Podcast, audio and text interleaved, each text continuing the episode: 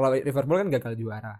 Kalau Spurs ini gagal untuk perebutan juara. Bayangin misalkan kalau pian final UCL itu emang uh, Spurs dan Liverpool itu salah satunya pasti dianggap yang bakal gagal gitu. Di Liga Inggris pun itu masih belum dihargai mengenai e-sport.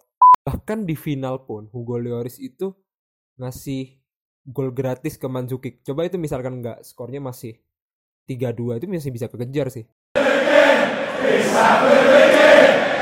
Hello,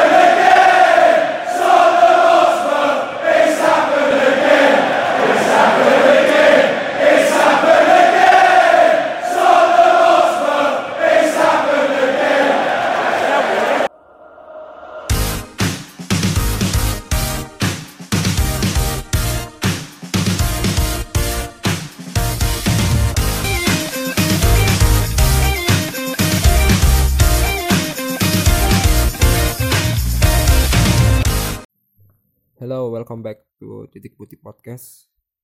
First of all, I just wanna say sorry um, tentang udah berapa minggu ya? Sekitar tiga minggu lebih nggak ngupload episode terbaru. Dan gue sekarang sendiri. Um, kita udah ngelewatin tiga minggu itu ada international break, lalu sisa pertandingan dari UCL dan UEL second leg. Kita nggak nggak nggak nggak nge, preview gitu kan. But it's okay. Ya, makasih yang udah mungkin diam-diam ngikutin ya. Atau ngomong secara langsung tentang mana nih uh, podcast yang terbaru. Jadi langsung aja. Jadi um, ini adalah podcast yang keempat dan gue nggak sabar lagi uh, apa ya ya mungkin untuk milestone gue emang harus bikin lebih banyak dan lebih banyak lagi hingga sampai ratusan-ratusan episode di titik putih podcast. C gitu. Oke okay, um, langsung aja kita bakal ada dua segmen. Yang pertama kita bakal bahas tentang uh,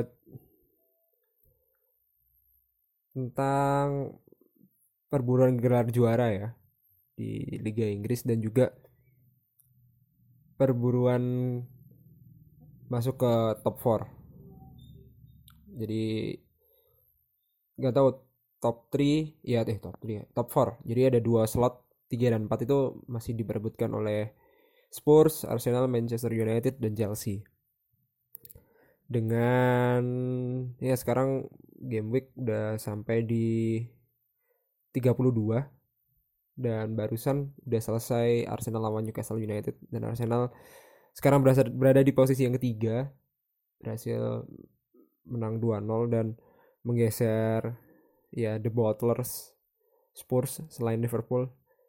Jadi kita akan bahas itu. Uh, yang pertama-tama uh, langsung aja kita mau bahas tentang apa ya? Um, sekali lagi gue minta maaf misalkan kalau merasa Spurs kayak nggak dihargain gitu ya ya gimana mau menghargain seorang uh, se se sebuah sebuah klub Tottenham Hotspur gitu yang di mana emang dia tuh nggak nggak gimana ya nggak nggak jago-jago banget gitu. Kadang iya tapi kalau pas kayak digaungkan untuk wah dia emang perburuan salah satu kandidat perburuan dari juara. Sekarang enggak malah sekarang udah turun. Jadi emang udah bukan nggak eh, apa ya nggak nggak kaget lagi kalau emang dia itu emang bukan salah satu kandidat gitu loh. Terbukti emang ya udah sekarang dia peringkat 4 gitu. Bahkan bisa aja kan bisa diselip atau Manchester United atau Chelsea gitu.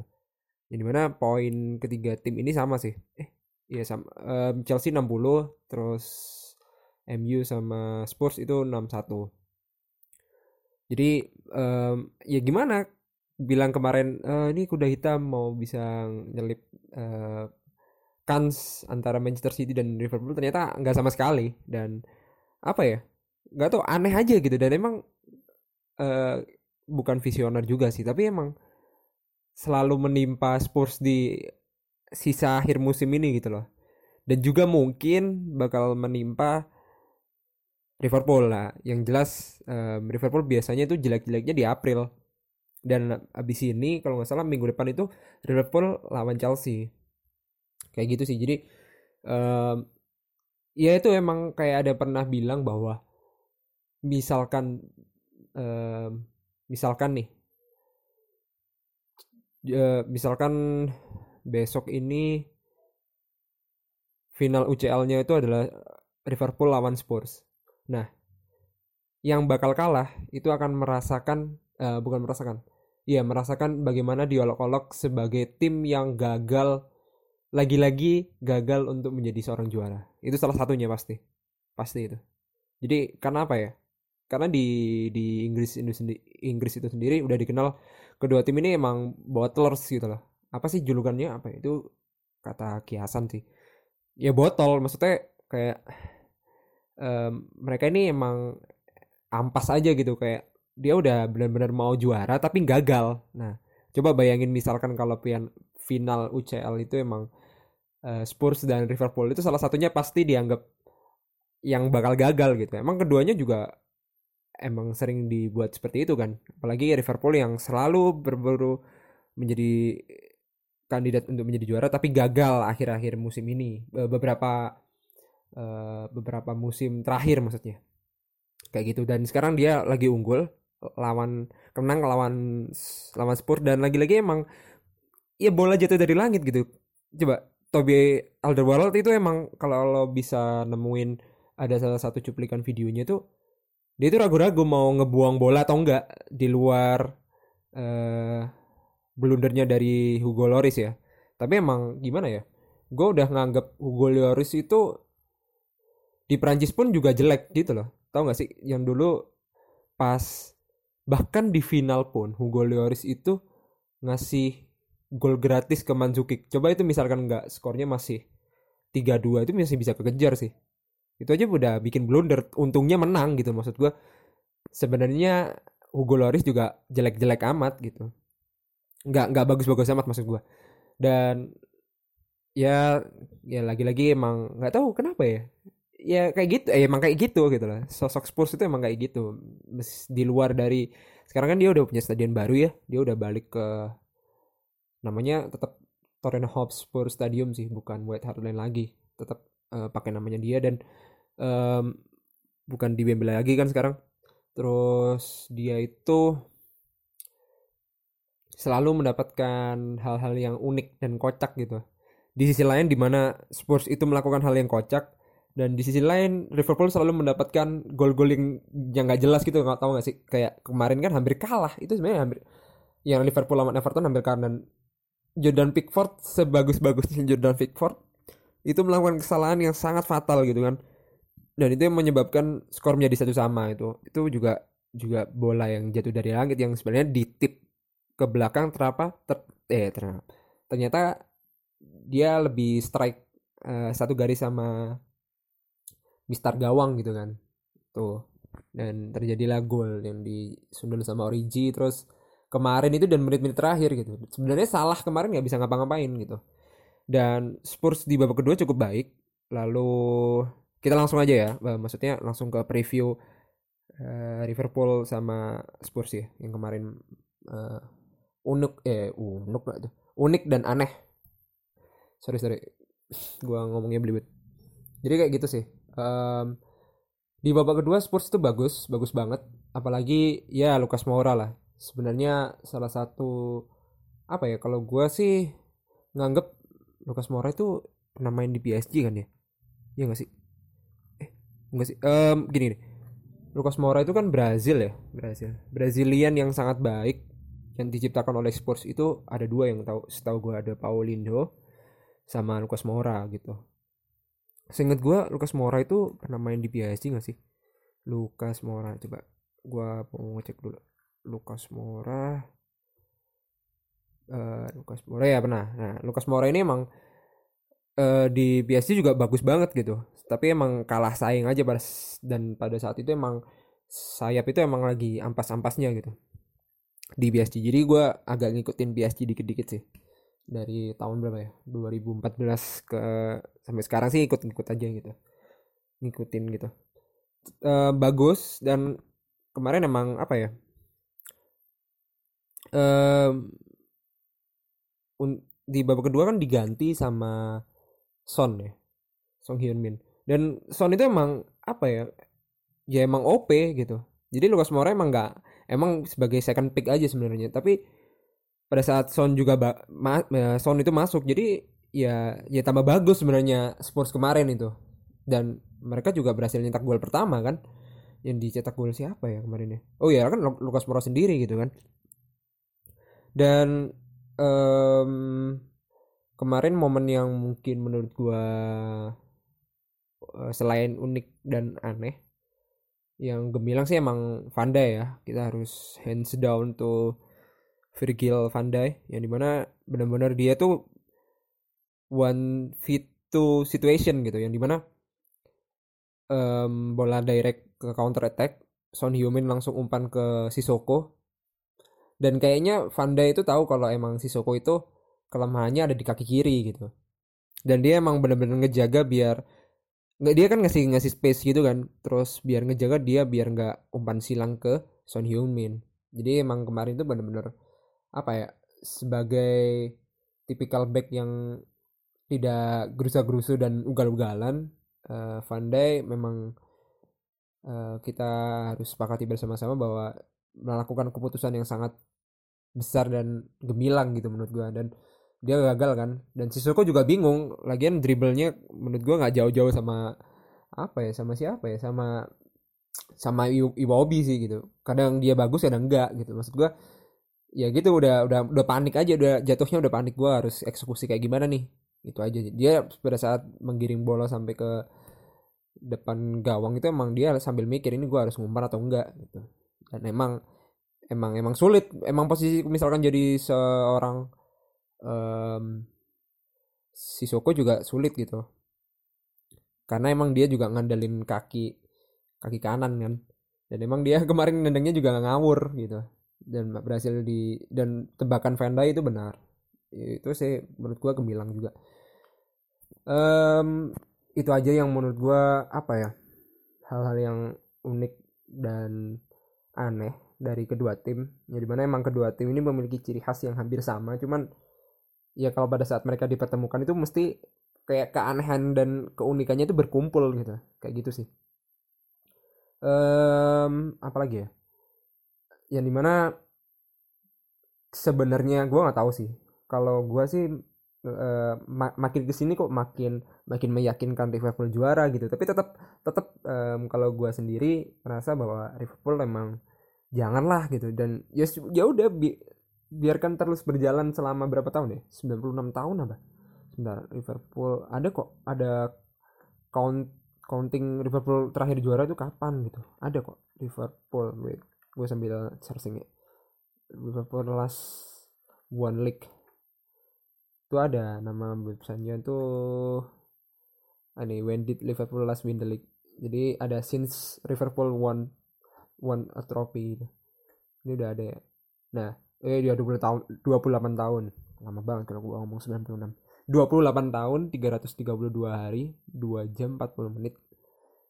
Ya itulah ya 28 tahun ya udah terus aja gitu. Maksud gua apa ya dan emang nggak apa ya nggak ya mungkin untuk akhir-akhir ini dan dan bakal selamanya nggak bakal menerima bahwa Liverpool juara liga gitu kan.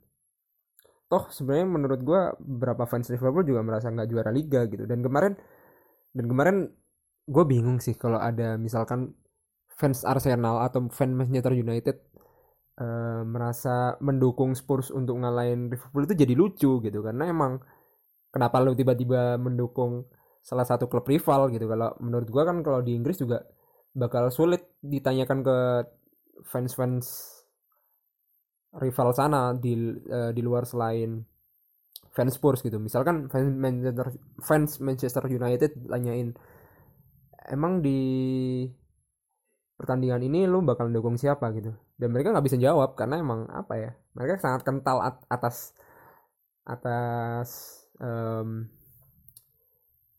uh, ketidaksukaannya terhadap Spurs gitu kan. Dan di sisi lain emang Spurs emang nggak bisa dijagoin gitu kan. Ya ya gimana emang keduanya juga tim-tim tim yang kadang gini kadang gitu repot gitu kan. Dan um, Liverpool itu akhir-akhir ini kita lihat ya last six dia itu menurut gue kan akhir-akhir ini dia kayak kebobolan gitu kan jarang clean sheet kalau se sekilas gue tahu sih. Liverpool last um, kita lihat di apa ya?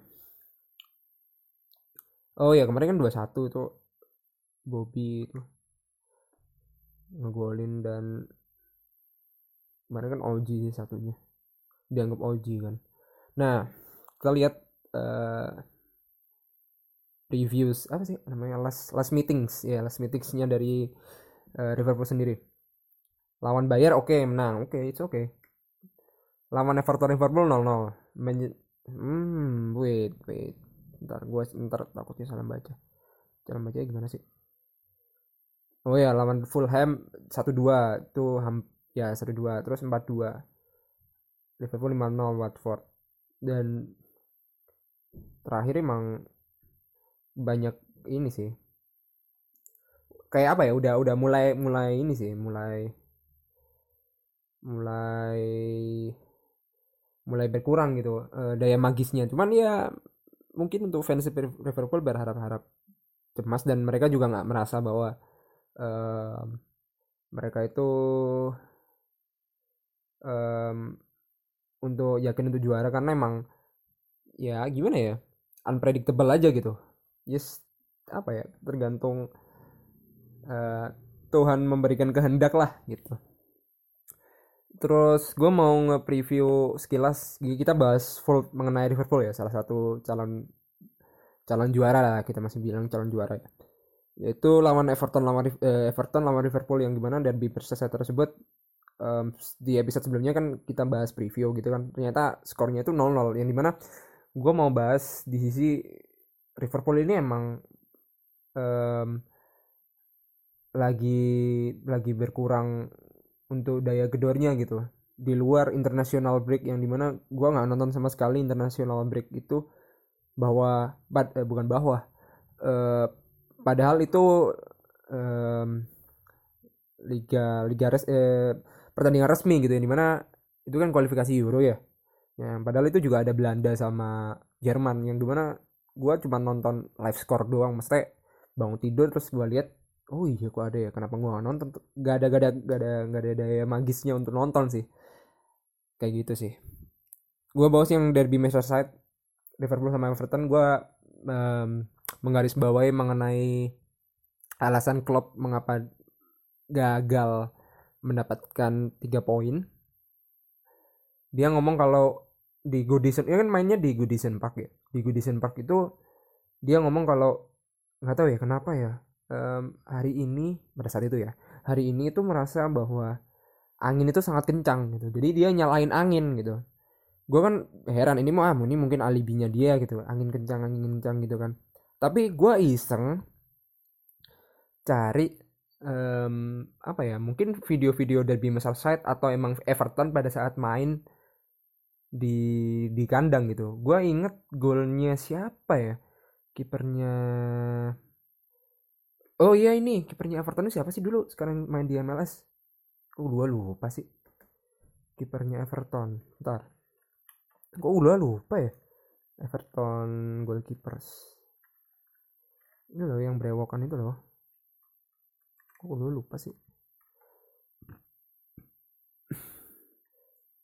bukan bukan Bigfoot Tom ya Tom. Tim Howard. Tim Howard um, bentar. Tim Howard Goal. Itu ada Tim Howard Goal. Bentar nah Tim Howard Goal ini main di Goodison Park. Gue lupa dia lawan siapa ya lawan Bolton ya lawan Bolton yang di mana emang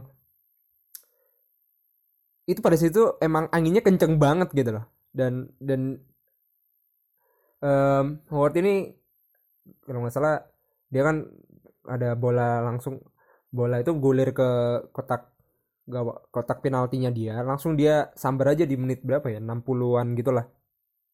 Dan itu gol itu kenceng banget emang anjing anjing nggak tuh anginnya gitu. Jadi jadi mana mungkin itu juga salah satu alasan oh ini ya Klopp merasa bahwa angin kenceng banget emang emang benar-benar kenceng di Goodison Park. Dan gue pernah lihat kayak apa ya namanya foto yang di mana kayak biasanya kan sebelum pertandingan kan satu jam sebelum pertandingan kan ada ini sih um, ada sign gitu kan kayak keep off the grass gitu jangan diinjek rumputnya atau apa gitu. Nah gue pernah lihat kayak salah satu bentuk caution gitu kan bentuk warning itu yang di mana kayaknya tuh di Goodison Park sih.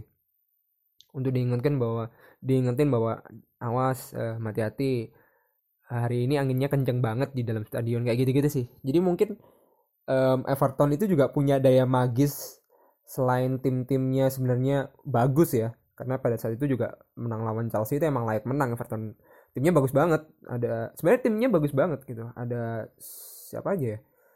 Um, Richard Listen bagus lah pokoknya sebenarnya layak menang gitu pada saat itu. Dan memang di sisi lain ya itu um, apesnya dia itu karena angin gitu.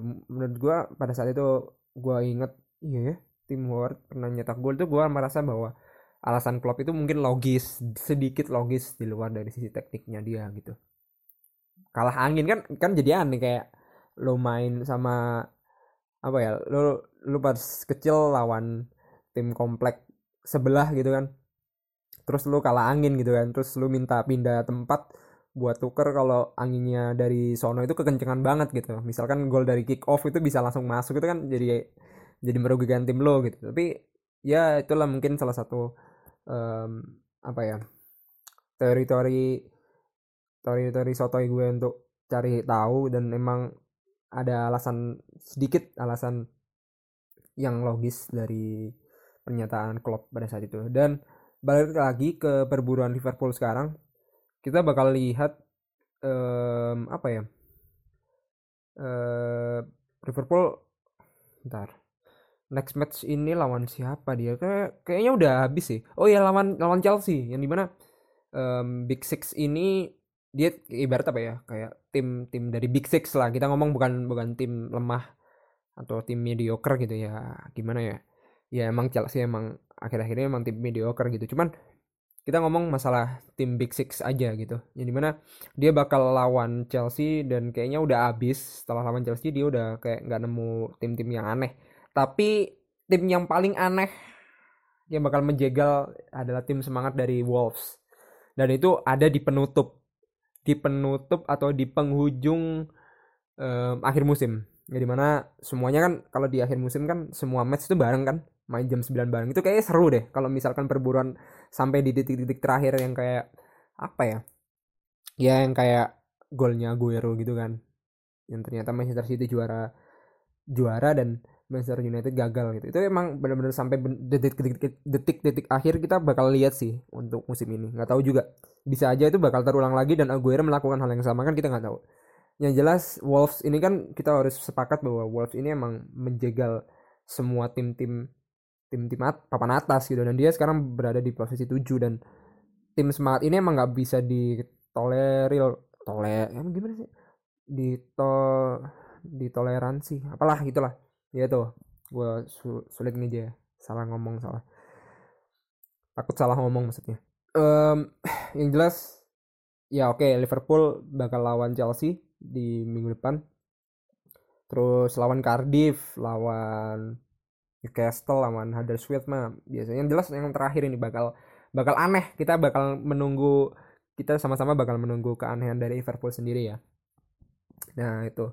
Dan kita bakal kita ngomongin yang masalah kontras kontras dari dari Liga Inggris ya. Karena kedua tim um, tim yang benar-benar kontras itu emang kedua tim ini Liverpool sama Spurs gitu.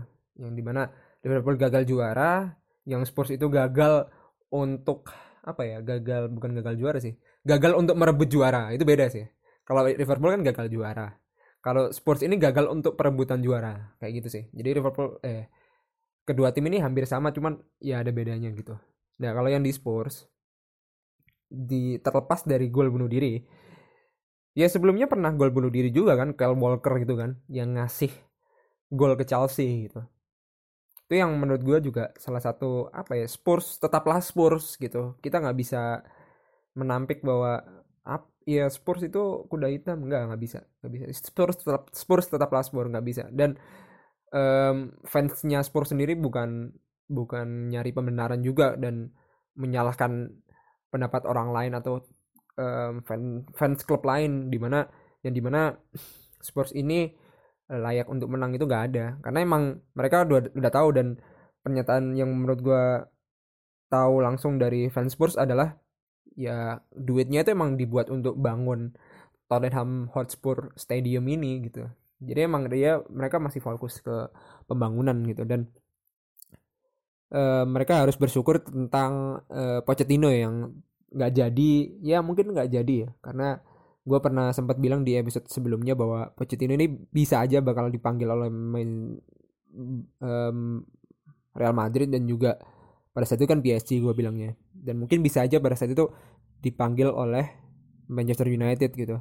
Tapi yang kita tahu bahwa Manchester United akhirnya resmi untuk memperpanjang kontrak atau apa ya tekan kontrak kan si ini si Ole gitu. Jadi uh, berbahagialah untuk fans Spurs Poch tetap berada di Spurs dan bersama teman-temannya itu kan. Yang menurut gue kan apa ya Spurs itu adalah tim menurut gue um, chemistry-nya tuh udah kalau di FIFA itu udah udah mentok gitu udah udah 120 gitu. Jadi mana kalau sama pelatihnya sendiri kayak udah nongkrong bareng kayak ke mana-mana itu bareng-bareng gitu. Karena menurut gue Potts itu kan masih bisa dibilang pelatih muda ya. Dilihat dari tampangnya aja kita nggak perlu nyari search Potts itu umurnya berapa dia lahir berapa enggak sih. Kalau dilihat dari um, selama lama eh selama lama selama ini itu emang behaviornya dia itu emang masih muda gitu kan. Dan Spurs juga banyak tim-tim uh, apa ya talenta-talenta muda yang kayaknya udah menyetel aja sama Pochettino gitu. Dan kayaknya nggak bakal pindah. Zidane udah balik gitu kan. Um, itu aja sih. Um, Spurs itu gagal lagi untuk ya mungkin untuk gelar juara ya. Malah sekarang dia masuk ke ke ibarat apa ya ada mungkin uh, level ya. Ada, ada ada level di papan di papan atasnya Liga Inggris itu ya. Level di mana lo bakal menjadi perebutan gelar juara dan bakal masuk ke um, perebutan ini top 3 gitu kan. Yang di mana tiga atau mungkin slot UCL lah kalau bisa dibilang tiga dan empat itu harus direbutin satu dua itu bakal berebut untuk menjadi juara menjadi juara gitu. Jadi gue bakal bacain apa ya delapan laga tersisa lah atau bisa dibilang tujuh ya tujuh tujuh jadi mana kita bakal ba uh, bacain kita bakal tahu dan gue bakal bacain uh, jadwal sisa sisa jadwal pertandingan di Liga Inggris antara Spurs, Arsenal, Manchester United dan Chelsea. Uh, mungkin berkalkulasi kalkulasi dikit-dikit aja sih. Liverpool Spurs lawan Liverpool, Spursnya kalah. Terus Arsenal Newcastle menang Arsenal menang terus Manchester United menang. Dan Chelsea men kemarin menang menang karena menang karena karena wasit ya. Dan itu udah dibahas paginya itu udah dibahas uh, gue ngomong ngomong Chelsea dikit ya dikit aja. Uh, eh, itu kan dibahas kan kalau emang sebenarnya itu jelas offset sih clear clearly offside. Dan VAR juga belum di belum di belum di apa ya belum digunakan gitu kan. Musim depan baru digunakan oleh VAR gitu. Di di di luar VAR atau enggak itu yang jelas uh, sebagai fans Chelsea itu merasa merasa ya kalah ya udah mending kalah aja daripada menang yang secara aneh gitu kan. Bahkan menang itu lawan Cardiff aja harus nyetak gol di menit-menit akhir dari golnya Loftus Cheek gitu. Itu yang menurut gue um, sangat menyedihkan sih emang Chelsea emang lagi kehilangan taringnya aja gitu. Nggak tahu sih kenapa ya. Dari apa ya bukan bukan nggak tahu sih. Mungkin ceritanya panjang aja gitu. Yang jelas Chelsea itu lagi lagi aneh lagi aneh aja dan um, semoga um, Hudson Odoi nggak pergi karena emang menurut gua aset youth yang di mana mana yang di mana gua bakal selalu menggaungkan um, harus harus apa ya gue bilang meningkatkan derajat para tim-tim eh bukan tim-tim apa anak-anak eh, pemain-pemain muda ini gitu. Yang di mana kemarin kan Hudson Odoi dipanggil di Inggris dan nyetak gol juga dan menciptakan asis gitu dan dia berkontribusi gitu. Bukan ber, bukan bukan salahnya Southgate untuk milih dia karena emang uh, variasi yang dia inginkan ya mungkin sosoknya ada di Hudson Odoi gitu. Tapi Sari malah nggak memainkan dia karena alasannya dia itu nggak cocok di kiri atau di kanan. Terus dia hanya main 20 menit terus itu adalah nggak bisa ngebuktiin. Itu emang batu aja gitu Sari. Gua nggak tahu sih. Um, yang jelas ceritanya panjang. Gue ngomong dikit aja bahwa terima kasih buat wasit yang di mana ya? Apa sih namanya? Ya Kim Garis ya? Hakim Garis itu nggak nggak lihat. Itu juga per, uh, bukan juga apa paginya tuh bakal bukan aduh bentar. Paginya itu langsung di review perspektif dari Hakim Garis itu sama Jamie Carragher. Lo tau kan yang dia tuh ada di mana?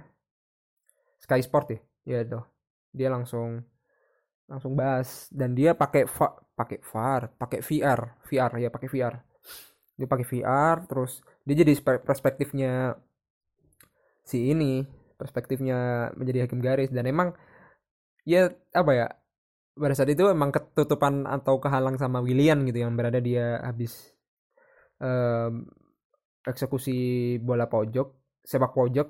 Jadi mana si bagian garis ini ketutupan sama tubuhnya William gitu.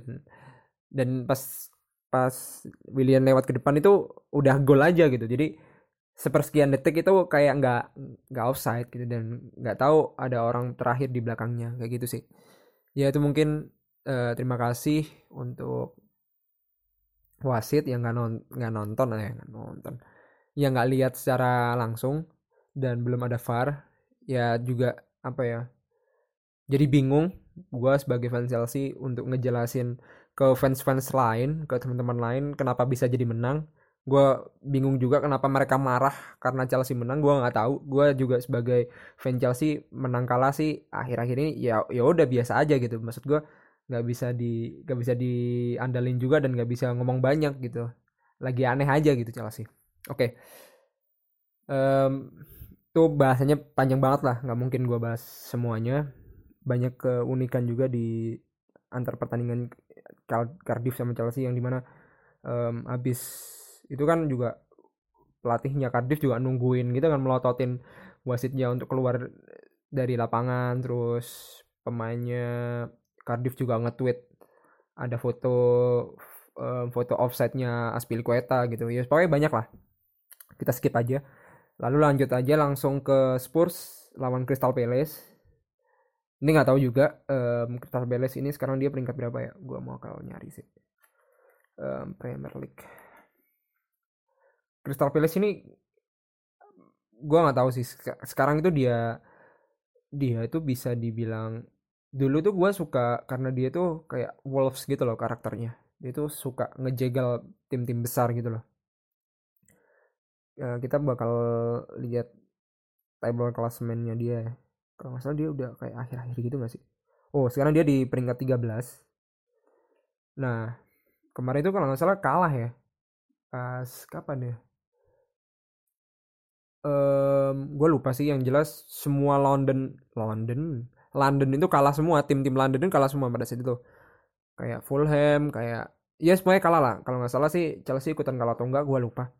Itu kalah gitu kadang kalah kadang enggak jadi angin-anginan juga Crystal Palace. Cuman dia kadang bisa ngejegal tim-tim gede gitu. Gue nggak tahu tapi yang jelas gue sih merasa uh, Spurs bisa lolos. Uh, bisa bisa menang lawan Crystal Palace. Meskipun home di Crystal Palace di Palace ya. Di Crystal Palace apa sih yaitu di Crystal Palace. Jadi home terus lawan Spurs. Gue rasa Spurs menang. Arsenal Everton. Um, di Etihad nggak tahu. Kayak emang bisa aja kalah. Karena Everton di beberapa pertandingan terakhir dia lagi ganas-ganasnya gitu. Itu terus Wolves Manchester United away. Jadi mana Manchester United bakal bertandang ke markasnya Wolves ya di ini ini bisa aja kalah gitu. Tapi kayaknya gue yakin emang Wolves bakal ngasih kesulitan. Meskipun kalaupun kalaupun Manchester United menang itu kayak satu dua deh gitu. Ataupun 0-1 gitu. Yang jelas gak bakal dikasih ampun sama Wolves. Chelsea lawan Brighton di midweek ya. Brighton ya Brighton gitu. Dan Bright ya musuhnya Brighton ya bener yang dianggap muda biasa aja. Cuman Chelsea-nya juga lagi aneh gitu. Bisa aja nggak bisa diandelin juga gitu. Tapi untuk secara apa ya di atas kertas emang bukan di atas kertas ya ya di atas angin. Um, Chelsea masih layak menang. Terus Spurs lawan Huddersfield langsung aja ya cepat ya. Masih menang Spurs um, Watford. Arsenal Watford tuh Arsenal apa ya lebih apa ya Arsenal ini sedikit diuntungkan karena delapan laga tersisa nya dia itu emang nggak menghadapi Big Six gitu yang di mana Arsenal itu hanya menghadapi kesebelasan kesebelasan papan tengah seperti Watford kayak apa lagi apa ini ada Wolves terus Everton Leicester City gitu. Tapi nggak bisa dianggap enteng juga karena ketiga laga terakhirnya dia itu laga tandang yang bisa menjadi apa ya batu sandungan dia gitu terus kalau Spurs itu bakal lawan uh, Manchester City di stadion baru dia eh stadion baru mereka juga. Jadi Spurs masih masih aja bisa turun gitu. Terus Manchester United bakal apa ya menghadapi Watford sama Wolves. Kemarin udah Watfordnya menang terus Wolves um, apa ya Manchester United juga apa ya kena kena banyak cedera gitu. Terus biasanya tim uh, bukan tim apa uh, caretaker caretaker gitu kan biasanya kalau udah dipatenkan itu kadang-kadang oleng gitu. Oleh oleng gitu misalkan. Atau the wheel has come off gitu.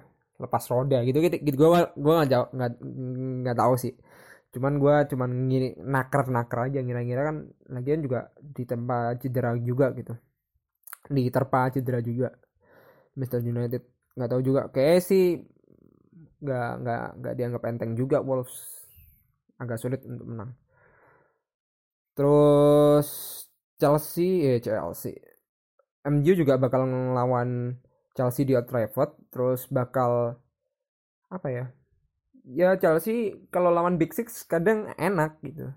Tapi lawan yang kroco-kroco itu biasanya ampas gitu. Um, um, apa ya? Dari keempat ke eh, dua eh, empat kesebelasan ini berpotensi apa ya meraih dua posisi yaitu di tiga dan empat yang mana bakal masuk spot UCL syaratnya itu gampang sebenarnya menang secara konsisten aja gitu. Yang jelas Spurs bisa kalah. Ya gimana ya? Konsisten aja gitu. Maksud gue kayak sebenarnya nggak um, boleh sih untuk menganggap bahwa tim lain itu bakal kalah gitu enggak jadi lo harus harus tampil maksimal dan nggak perlu lihat live score. Gue pernah inget Conte kalau salah Antonio Conte bilang um, musim-musim akhir musimnya dia lah pas mau pas mau juara sih tahun 2015 kan. Um, Conte itu ngomong kalau pemainnya tuh nggak boleh nonton live score karena itu bisa mempengaruhi psikis gitu kan kayak psikisnya tuh kayak kayak keganggu gitu. Ya ampun um, tim lain bakal ngejar ini nggak perlu. Jadi tetap, tetap apa ya uh, be yourself aja gitu. Um, semuanya bisa direbut sih. Uh, yang jelas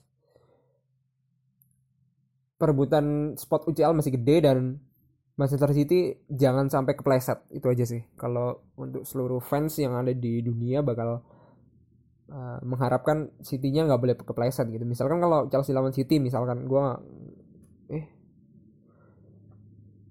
Uh, Everton lawan eh Everton. Spurs lawan City ya apa ya? Nggak mungkin lah. Ya mungkin nggak mungkin sih teman. Kayak emang sulit untuk Spurs bisa ngalahin. Jadi tolong dibukakan jalan untuk Manchester City menjadi juara gitu kan.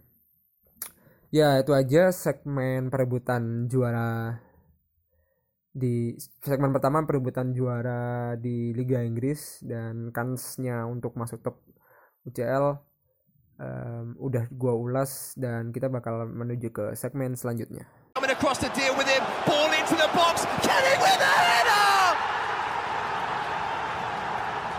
F2 Texas the special one and it is Calvin Lewin. Oke, okay. um, gue langsung langsung aja ya.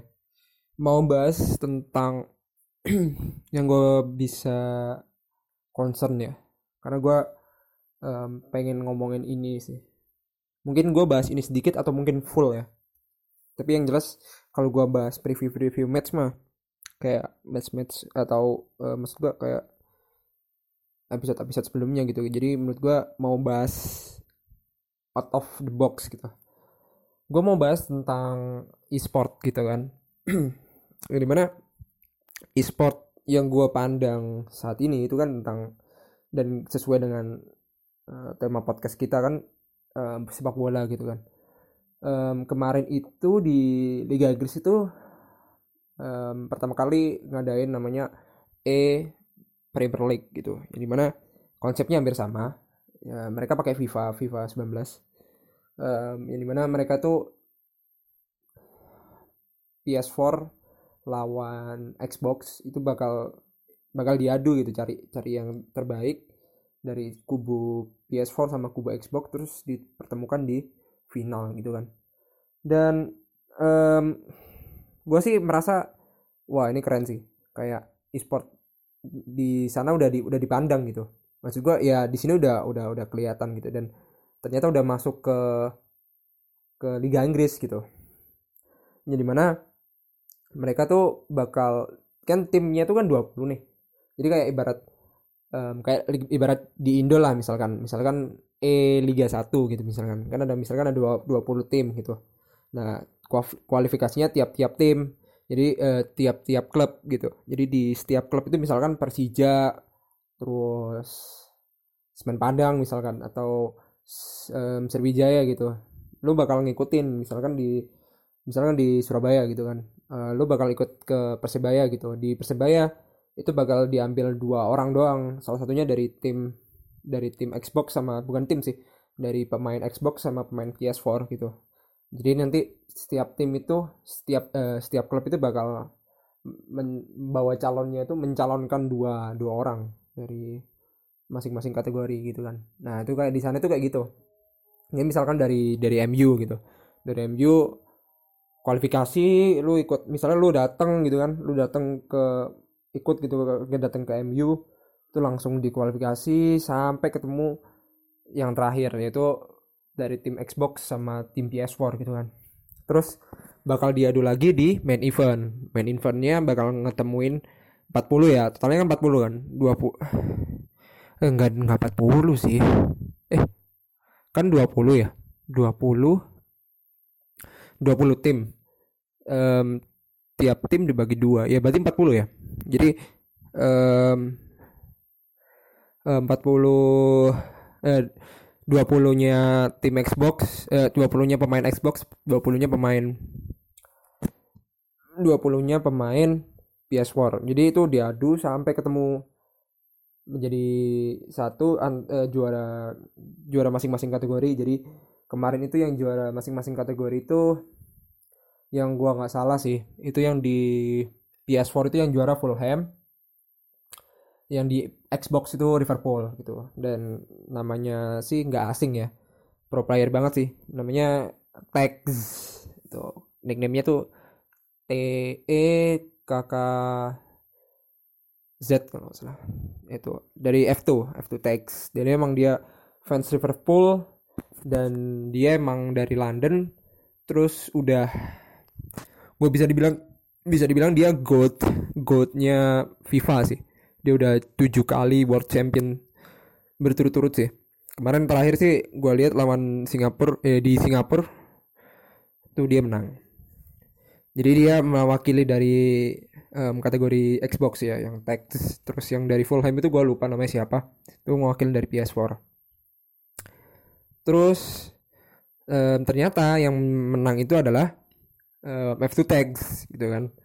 Uh, di luar di luar goatnya dia atau kemampuan dia untuk bermain FIFA gitu.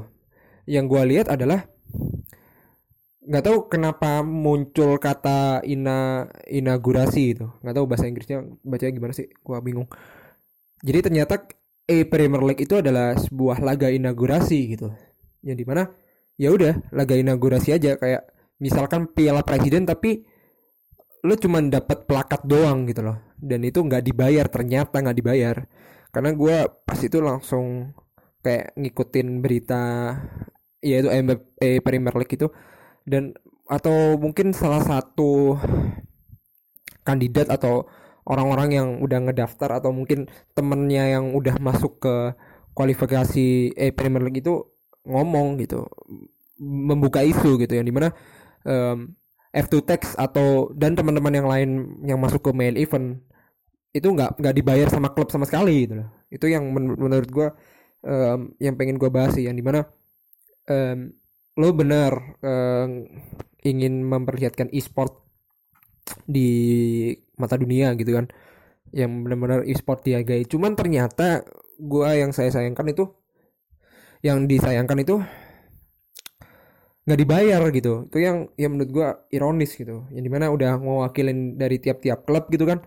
Tapi pas kalah eh pas menang itu nggak dibayar nggak dibayar sama sekali. Bener-bener nggak dibayar yang di mana udah nguntungin EA Sport itu sendiri. Yang di mana udah dilihat streamingnya Twitch 50 ribu lebih gitu kan. Terus um, udah nyom bukan nyolong sih udah bikin konten buat klip-klip klip-klip video yang keren misalkan uh, itu cuplikan-cuplikan highlight-highlight para pemain uh, FIFA 19 pas bertanding gitu kan.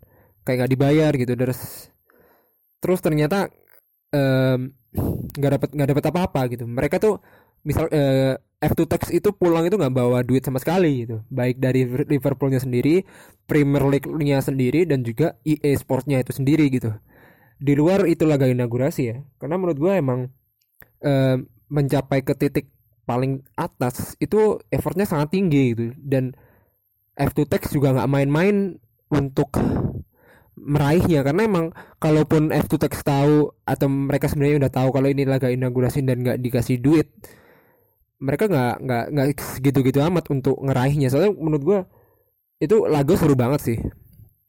Keren sih seru parah sih. Gue mau lihat asli parah keren banget.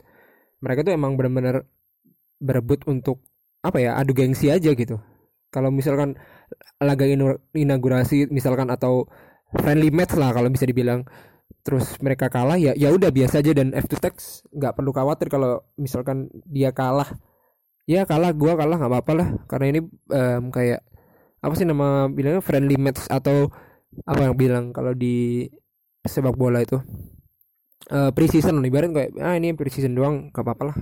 Tapi enggak emang FTX sampai juara itu merasa bahwa dia memang benar-benar ada gengsi dalam di dalam pertandingan tersebut gitu. Di dalam e Premier League e-sport e-sport Premier League itu sendiri gitu. Jadi menurut gue yang disayangkan adalah uh, di Liga Inggris pun itu masih belum dihargai mengenai e-sport. Bahkan um, tweetnya itu juga apa ya, mengandung makna di mana Fortnite aja itu di punya price pool yang sangat gede gitu kan kayak billion billion dollars gitu kayak triliunan triliunan atau mungkin ya triliun uh, miliaran atau mungkin ya sampai tril, triliunan gitu kan. Ya menurut gue ternyata nggak cuman perspektif dari Indo yang nggak dihargain terus merasa marah-marah karena piala presiden cuman ML doang enggak gitu. Ternyata di e Premier League itu sendiri kalau lo tahu itu emang nggak dibayar gitu. Orang-orang pada tahu kalau eh ya F2 Tech juara lagi ya biasa aja gitu. Atau emang dia tuh udah gold udah udah emang layak layak juara gitu. Tapi di luar itu semua emang F2 Tech nggak pulang itu nggak bawa apa-apa. Nggak bawa apa-apa gitu cuman dapat foto dapat plakat doang gitu. Jadi apa ya emang e-sportnya itu masih belum dipandang secara baik gitu. Dan gue pas baca itu emang kayak kecewa dan kasihan gitu kan yang udah berjuang demi um, klubnya masing-masing dia lolos gitu. Soalnya kan misalkan lo dari Arsenal nih lo lolos mewakili tim Arsenal dari kategori Xbox misalkan. Lo ya lo bakal pakai baju Arsenal gitu yang di mana price-nya itu lo jaga bener-bener buat bisa masuk ke final gitu kan. Dan itu lo kalau udah kalah ya udah kalah pulang. Main lagi main online kayak main apaan kayak sama teman-teman lo gitu kan. Itu yang menurut gue kecewa banget sih. Dan itu nggak hoax kok nggak hoax banget. Dan udah kayak confirm gitu lah beberapa beberapa pemain pemain profesional player uh, ex uh, apa FIFA itu juga ikut ikut ikut bahas di situ sih ikut ikut ngerumpi di situ jadi kayaknya udah confirm kalau mereka tuh nggak dapat apa-apa gitu. Jadi yang gua sayangkan sih uh, e-sport di luar negeri pun masih belum bisa dipercaya untuk uh, mendapatkan salah satu anu uh, dianugerahi sebuah kepercayaan biar bisa tampil gitu kan. Atau mungkin um, um, ini hanyalah liga uh, hanyalah inaugurasi yang hanya seneng-seneng doang. Dan ini season pertama terus yang juara F2 Tags gitu misalkan. Ya ya udah gitu. Kalau menurut gue sih enggak karena um, gue nggak bakal mau membenarkan hal yang salah sih. Karena emang um, di luar itu semua mereka ini berjuang untuk um, gengsi dia dan gengsi dari masing-masing tim gitu. Lu kan coba bayangin lah lu misalkan menang nih misalkan lu menang ngela uh, mewakili tim uh, tim persebaya gitu. Persebaya lawan uh, persebaya terus mewakili tim persib gitu misalkan. Lu kan punya pasti pasti punya pride gitu. Gitu kan? Pasti punya pride untuk uh, bawa tim lu itu sampai ke kancah final. Terus lu pas di final cuman dapat plakat doang terus lu nggak dibayar meskipun lu nggak dibayar dan lu merasa bang lu bakal apa ya lu bakal nggak nggak e, merasa hampa aja gitu. Deh cuman dapat plakat doang ya. Ya apa gitu. Terus lu pulang nggak dapet transport gitu. Emang nggak dapet transport ternyata di sana itu. Gimana perasaan lu? Kayak kayak aneh aja gitu kan. Yang lu udah jauh-jauh gitu. Misalkan lu udah oh nggak berhasil nih di persebaya lu kalah gitu. Soalnya kan itu kalau nggak salah um, setiap uh, setiap tim itu yang ada di sana ganti-ganti tempatnya. Itu itu sih. Jadi kalau menurut gue sangat disayangkan e-sport di sana tidak dihargain. Dan ya mungkin lo bisa realize sendiri sih gimana rasanya mereka tuh kayak nggak dibayar gitu kan. Lu udah bawa stick sendiri gitu terus lu udah uh, ya ya mungkin cuma dapat jersey doang gitu kan. Atau mungkin itu disuruh untuk menjadi salah satu perwakilan gitu kan itu bisa aja gitu. Jadi menurut gue uh, e-sport eh Premier League itu sendiri yang kalian mungkin sekilas tahu di um, di sosial media bahwa yang menang e Premier League adalah F2 Tech terus oh ini e Premier League wah keren nih mereka dihargai nih. Oh udah ada e-sport di sana sih. Tapi di balik itu semua ternyata enggak enggak tidak tidak apa ya um, ironis lah gue bilang sih ironis itu aja sih ya itu aja. Udah terlalu panjang. Um, sorry aja. Kita um, gue dari tadi ngomongin masalah perebutan juara Liga Inggris. Karena emang apa ya liga lain juga gak gak bagus bagus maksud gue apa yang mau di, dilihat lagi di apalagi mau ngomongin La Liga La Liga pasti yang juara ya Barcelona gitu Juventus pasti juara di Liga Italia gitu. Terus Bundesliga Dortmundnya lagi caur gitu kan. Terus sekarang mau dari klasiker tapi bayarnya nyetak gol banyak ngechat dia biar bagaimana cara dia di spot pertama dia ngechat kayak ngechat harus menang 10 gol tiap pertandingan gitu kan. Jadi yang menurut gue yang pantas menurut gue sih pantas dibahas ya masih Liga Inggris gitu yang benar-benar masih bisa di uh, bisa di debatable gitu kan. Ya itu aja sih thank you udah uh, dengerin podcast yang terbaru ini dan um, gue bakal selalu bikin podcast ini ya seminggu insya Allah dua kali ya minimal sekali lah. Dan gue bakal terus berproduktif. Um, salah satu milestone gue juga pengen um, um, ya pengen ngomong uh, bacotin masalah sepak bola yang apa pun yang gue suka sih.